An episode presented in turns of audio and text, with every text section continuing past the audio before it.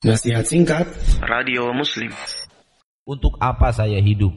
Setiap kita hendaknya membuat sebuah pertanyaan yang selalu dia letakkan di depan matanya. Setiap hari pertanyaan itu dia datangkan dalam dirinya. Untuk apa saya hidup? Untuk apa saya diberi mata? Untuk apa saya diberi lisan? Untuk apa saya diberi jantung? Untuk apa saya diberi darah? Untuk apa saya diberi pendengaran? Untuk apa saya diberi kaki dan tangan? Untuk apa saya diberi tulang? Untuk apa? Semua fasilitas hidup diciptakan. Sebenarnya untuk apa? Allah tidak biarkan kita sia-sia. Ini beda antara orang mukmin dengan orang kafir.